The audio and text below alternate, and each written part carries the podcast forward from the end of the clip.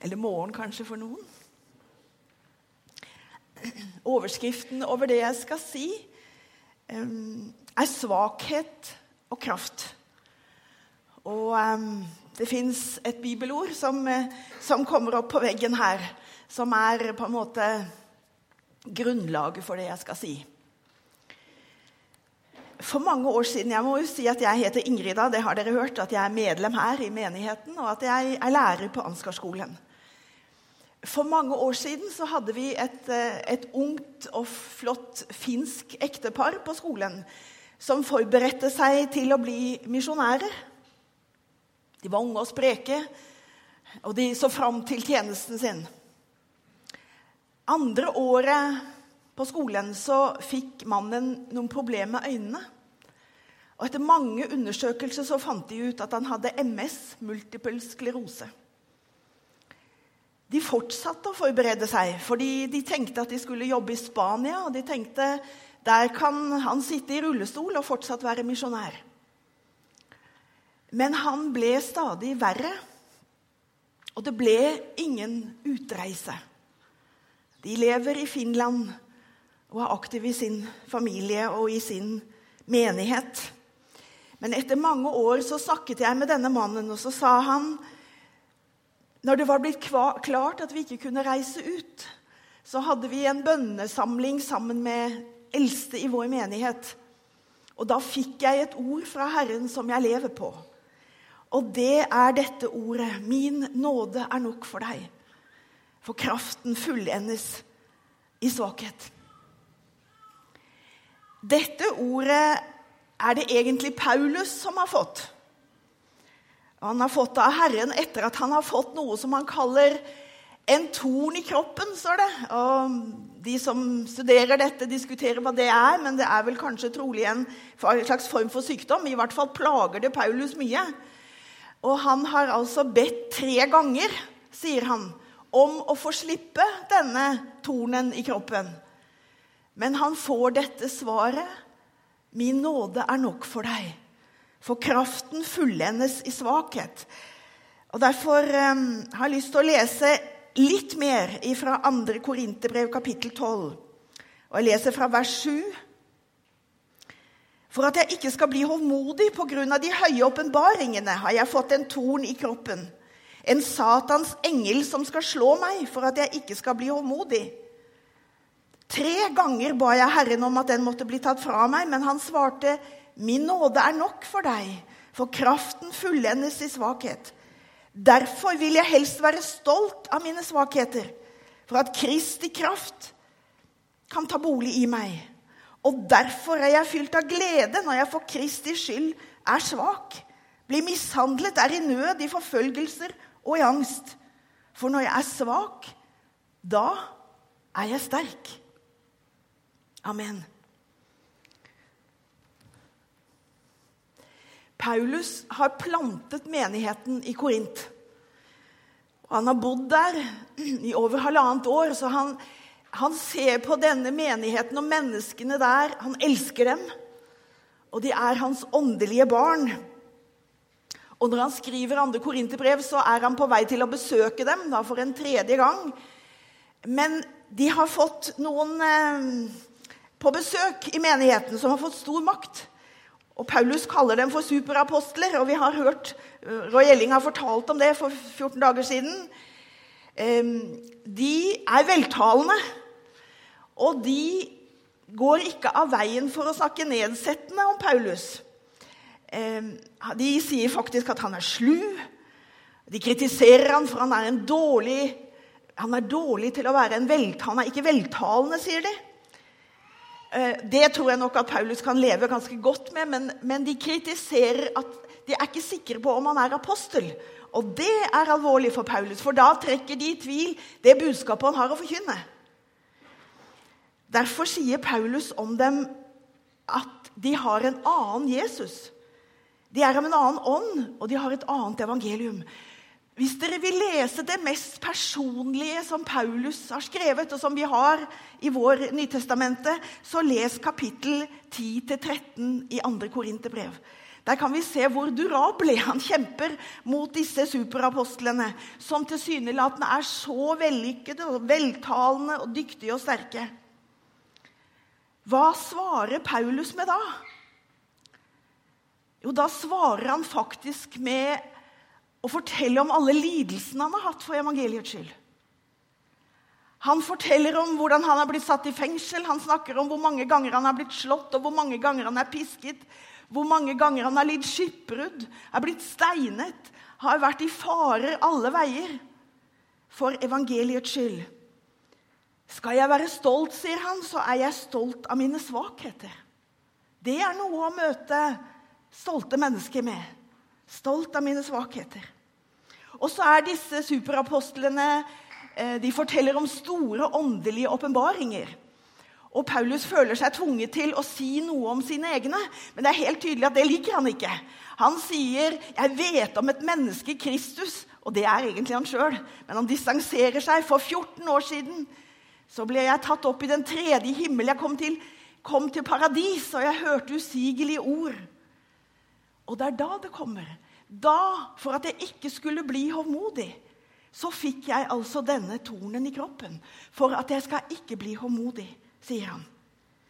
Min nåde er nok for deg, for kraften fullendes i svakhet. Vet dere at i den, Jeg ble så glad en gang som jeg leste i en engelsk oversettelse som vi kaller New International Version av Bibelen. Der står dette verset på denne måten My grace is sufficient for you, for my power is made perfect in weakness. Er ikke det vakkert?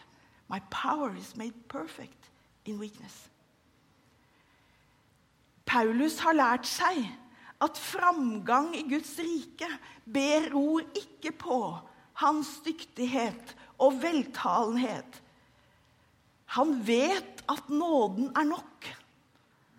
Han vet at han har en skatt.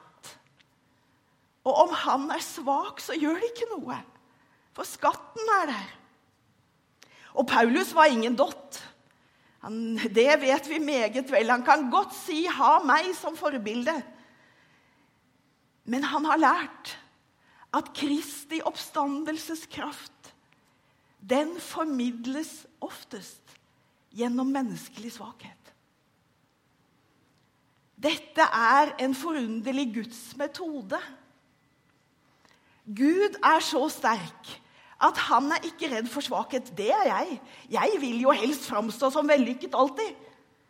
Gud er ikke redd for svakhet. Ja, fordi Gud har valgt mennesker ut som sin, sitt redskap til å bringe evangeliet, skatten, de gode nyhetene ut i verden. Da har Gud valgt seg svakhet. Det fins en fantastisk fortelling om dette i apostelgjerningene kapittel 10. Den handler om den første hedningen, som er offiseren Kornelius, som blir en Jesus-troende. Han er en from mann, står det. Han ber regelmessig til jødenes gud, og en dag han ber, så har han et syn. Det kommer en engel. Og så har jeg undra meg på hvorfor i alle land kunne ikke den engelen der og da fortalt evangeliet om Jesus? Men nei da. Engelen sier, 'Gud har hørt dine bønner.' Nå må du få tak i Peter ved tilnavnet Simon, eller Simon Peter, og han bor Det tok tre dager å få tak i Peter. Tre dags, dagsmarsjer for tjenerne fram og tilbake der hvor Peter holdt til. Og Peter var ikke klar til det engang. Han måtte ha noen svære åpenbaringer sjøl, for han var villig til å formidle dette til fromme jøder, og det var Peter de gikk ikke på besøk, og de spiste ikke sammen med, og de delte, gikk ikke inn i husene til, til hedninger, altså de som ikke var jøder. Så så lang tid tok det. Hvorfor kunne ikke engelen sagt det med en gang? Og det er Guds metode. Gud bruker mennesker. Og ikke engler. Vet dere at Å være kvalifisert til å arbeide i Guds rike, det er å ha fått sine synder tilgitt. Og Paulus har lært at enhver ambassadør for Kristus i denne verden er avhengig, totalt avhengig av Guds nåde. Denne metoden med at storheten formidles gjennom svakhet, det er gjennomført i Nytestamentet. Når Gud selv, skaperen av himmel og jord, vil komme til jorden, så kommer han som et lite menneskebarn, avhengig i mange år av at mennesker tar seg av han.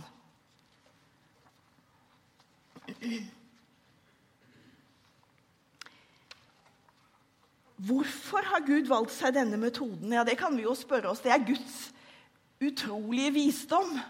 Men det vi i hvert fall vet, det er at når Gud har valgt seg ut mennesker, så blir mennesker Guds avhengige.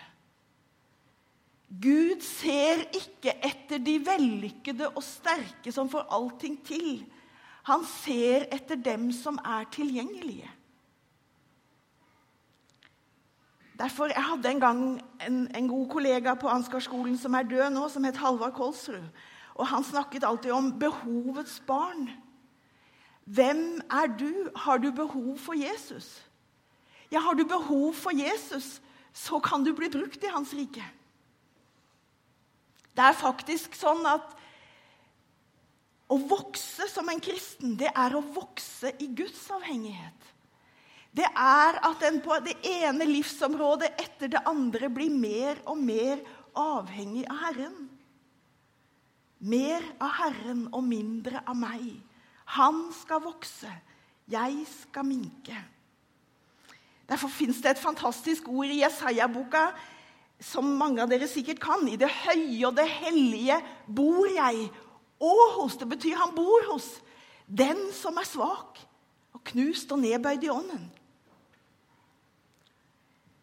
Og så er det i dette så er det en sånn magisk, vil jeg kalle det, samtidighet. Når kraften blir synlig i svakhet. Det er denne samtidigheten av menneskelig svakhet og Guds kraft som er det magiske øyeblikket. Men da er det lett å falle, sier Jens Petter Jørgensen, i en av to grøfter. Og Den ene er elendighetsgrøfta, som sier Alt om hvor dårlig det er stelt med meg, og jeg er jo så svak, akkurat som vi hørte om før søndagsskolen her. Og den grøfta, den har jeg vært i mye av mitt liv. Og jeg faller i den støtt og stendig. Jeg tenker andre må gjøre dette, for de er mye bedre enn meg. Og jeg har avvist mange muligheter det er jeg sikker på i mitt liv pga. at jeg har vært i denne elendighetsgrøfta. Men jeg har lyst til å si at hvis vi er i den grøfta, så samsvarer det med janteloven, men det samsvarer ikke med Guds ord. For Guds ord sier veldig tydelig at mennesket, ja, mennesket er svakt, og mennesket er syndig, men det er også enormt stort. Det er skapt i Guds bilde. Eh, det er plassert like, lite lavere enn Gud, står det i Salme 8. Og vi har fått gaver og talenter som vi skal stilles til ansvar for. Så det er Bibels belegg for å si at mennesket er stort. Så det er, altså, Elendighetsgrøfta det er å på en måte si å nei, jeg duger ikke til noe, og jeg er så syndig, og jeg kan ikke. Den motsatte grøfta er herlighetsgrøfta, hvor vi snakker om alt det vi eier i Kristus, og det skal vi. Men jeg snakker om alle mine seire, alt det jeg har fått til, og så går jeg stille forbi alt det som er svakt og dårlig ved meg sjøl. Og utfordringen ligger i å være midt på veien. Og snakke sant om at jeg kjenner meg svak i meg sjøl, men samtidig å snakke sant om at Gud bruker svake mennesker, og hans kraft er til stede. Svakhet og kraft er så sammenvevd i Skriften og i det kristne livet. Svakheten er faktisk det stedet der Gud åpenbarer sin herlighet. Både Kristi svakhet Paulus var vel kjent med dette. Han snakket mye om Kristi svakhet, om Jesu lidelse og død. Men han snakket også om Kristi herlighet, om oppstandelseskraften. Det er få som har opplevd så mye kraft som Paulus. Det står jo I forbindelse med det å få helbrede mennesker så står det at han var i Efesus. og der, Hvis han hadde noen spesielle klær på seg, så kunne de legge de klærne på syke mennesker, og de ble friske. Så hvis det var noen som kjente til Guds kraft, så var det virkelig Paulus.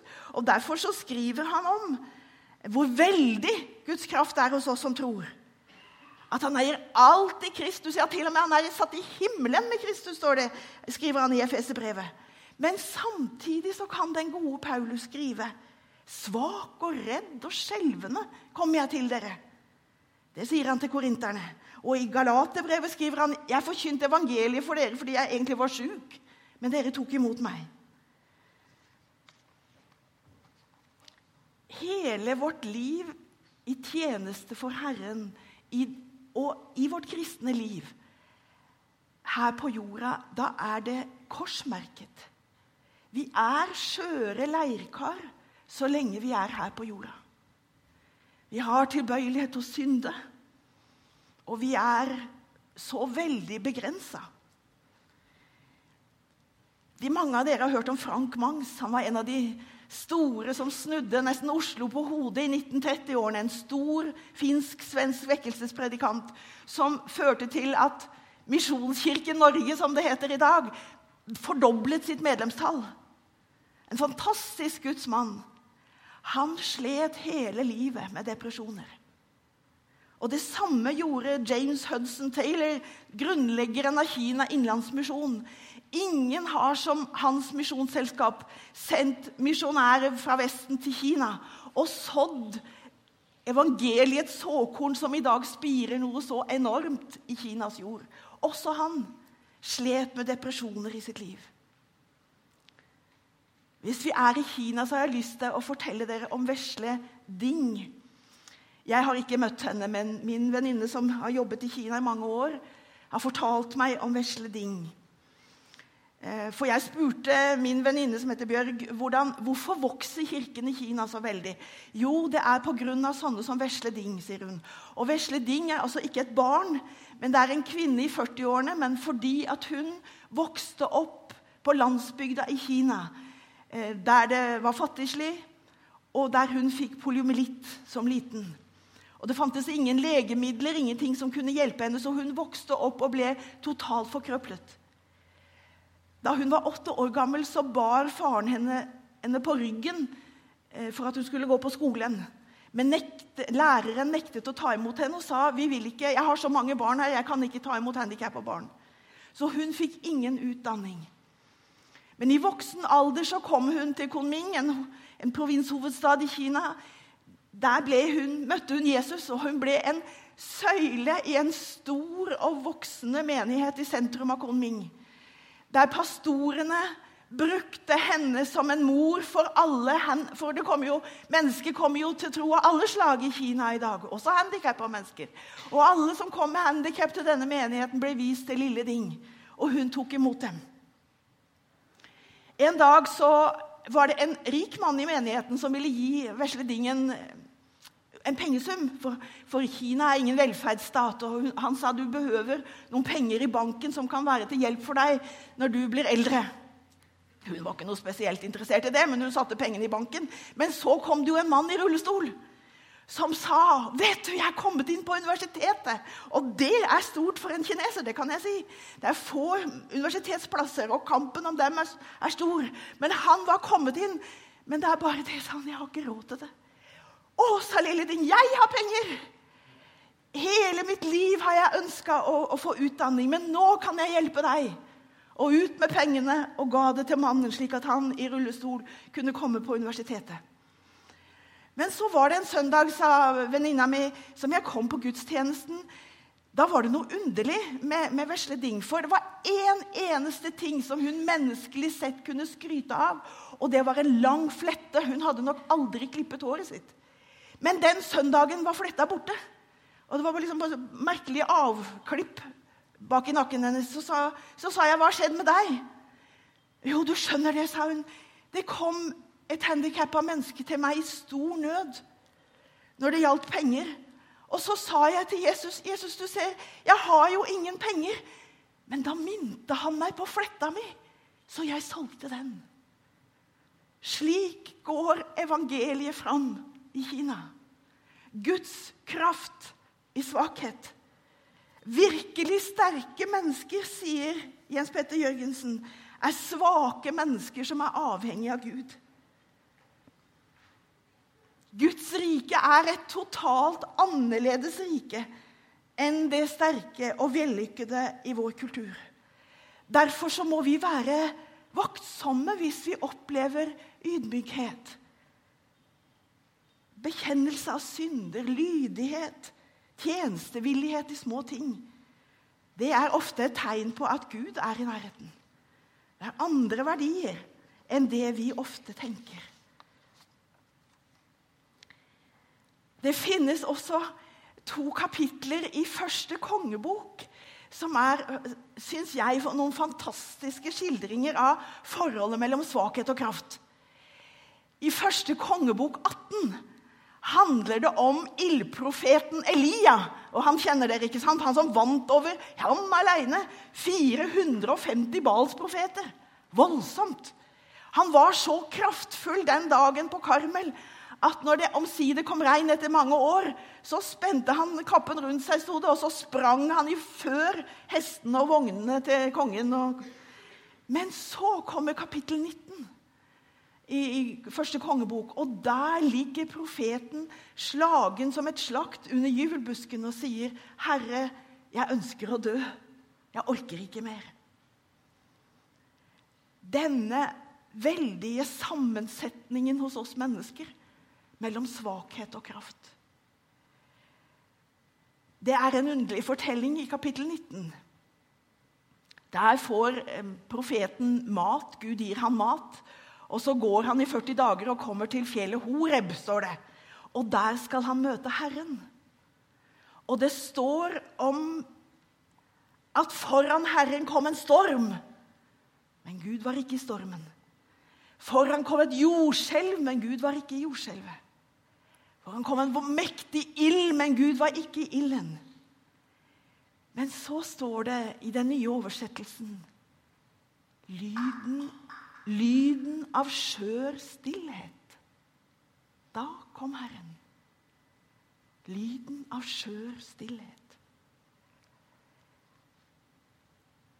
Styrke i svakhet blir aller tydeligst når Jesus dør på korset.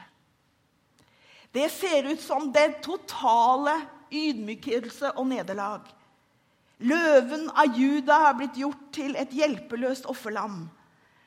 Og mennesker som var imot Jesus, og djevelen roper av fryd og tenker 'Nå har vi vunnet'.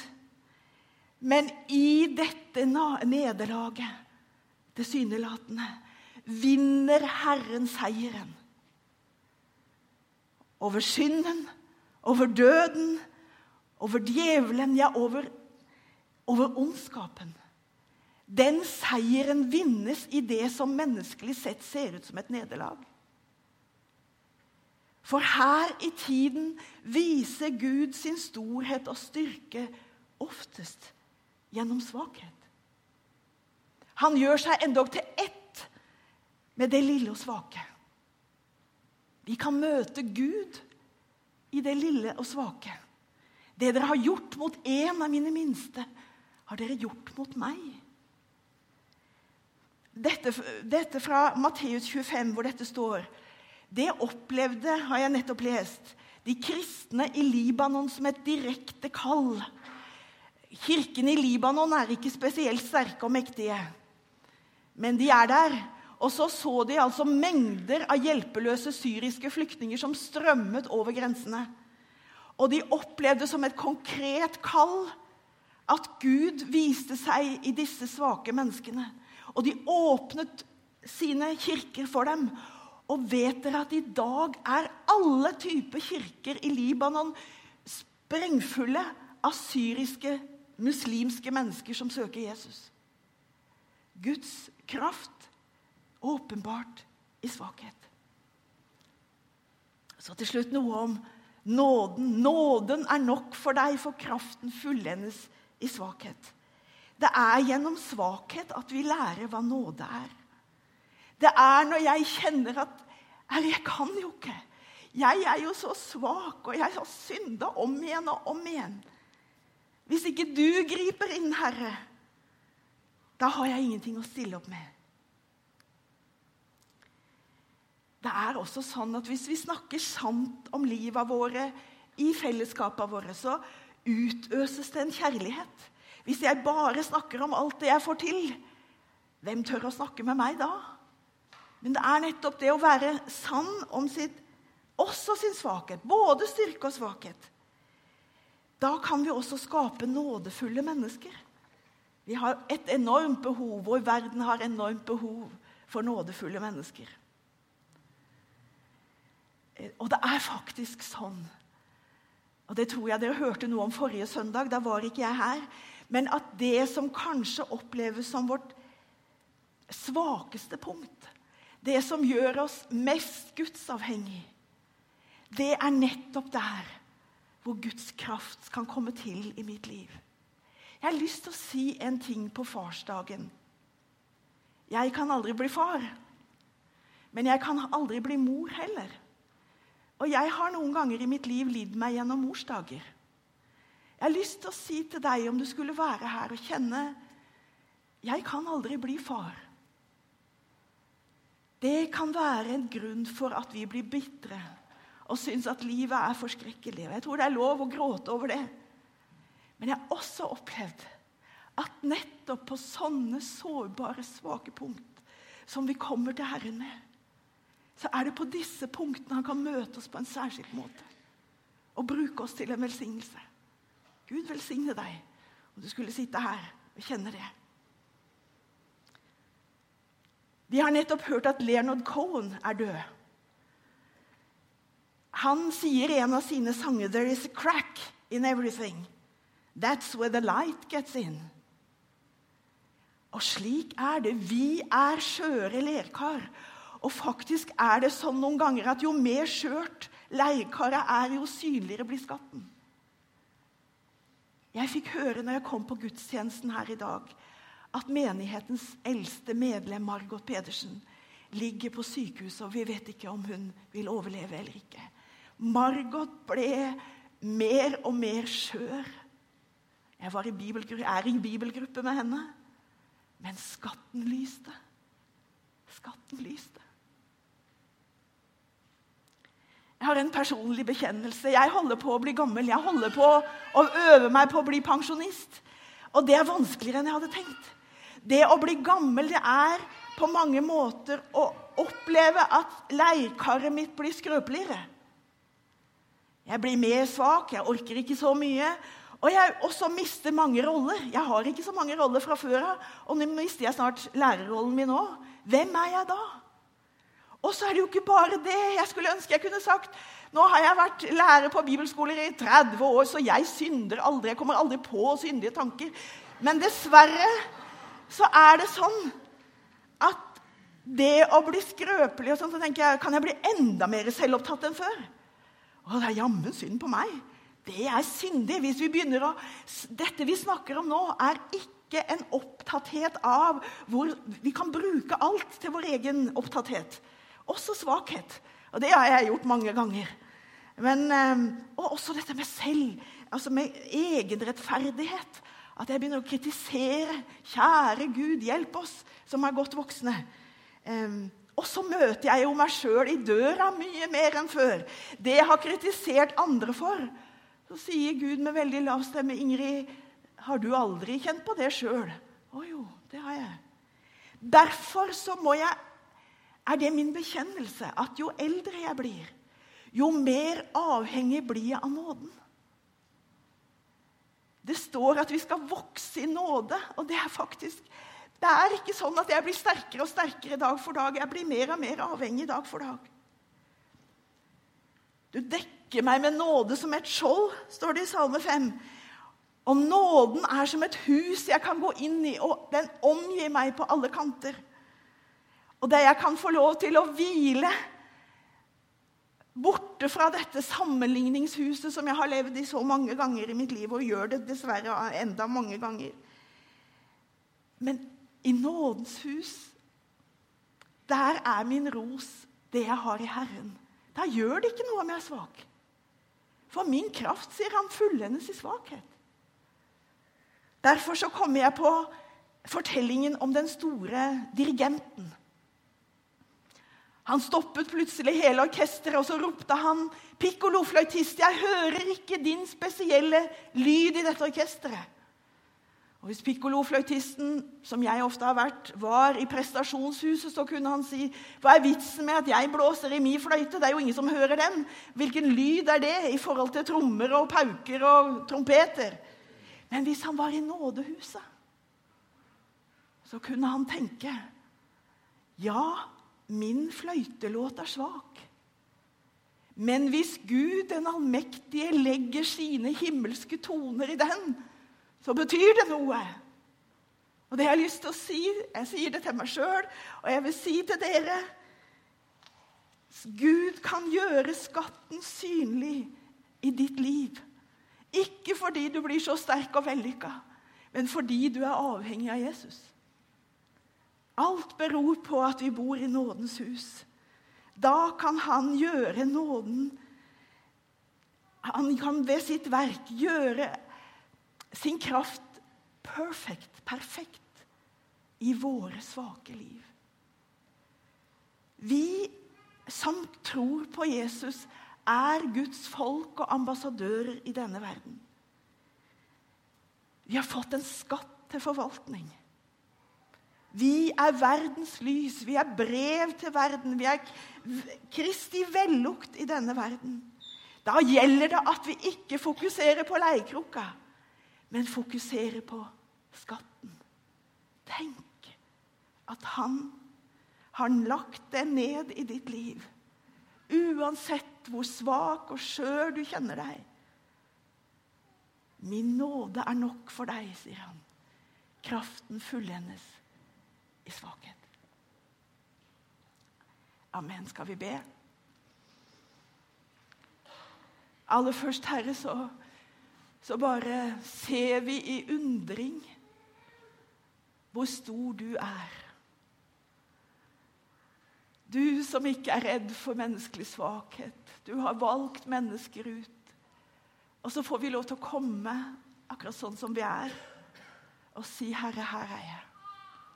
Kan du bruke min fløytelåt, så stem den og bruk den. Velsign hver enkelt en av oss, Herre. I Jesu navn. Amen.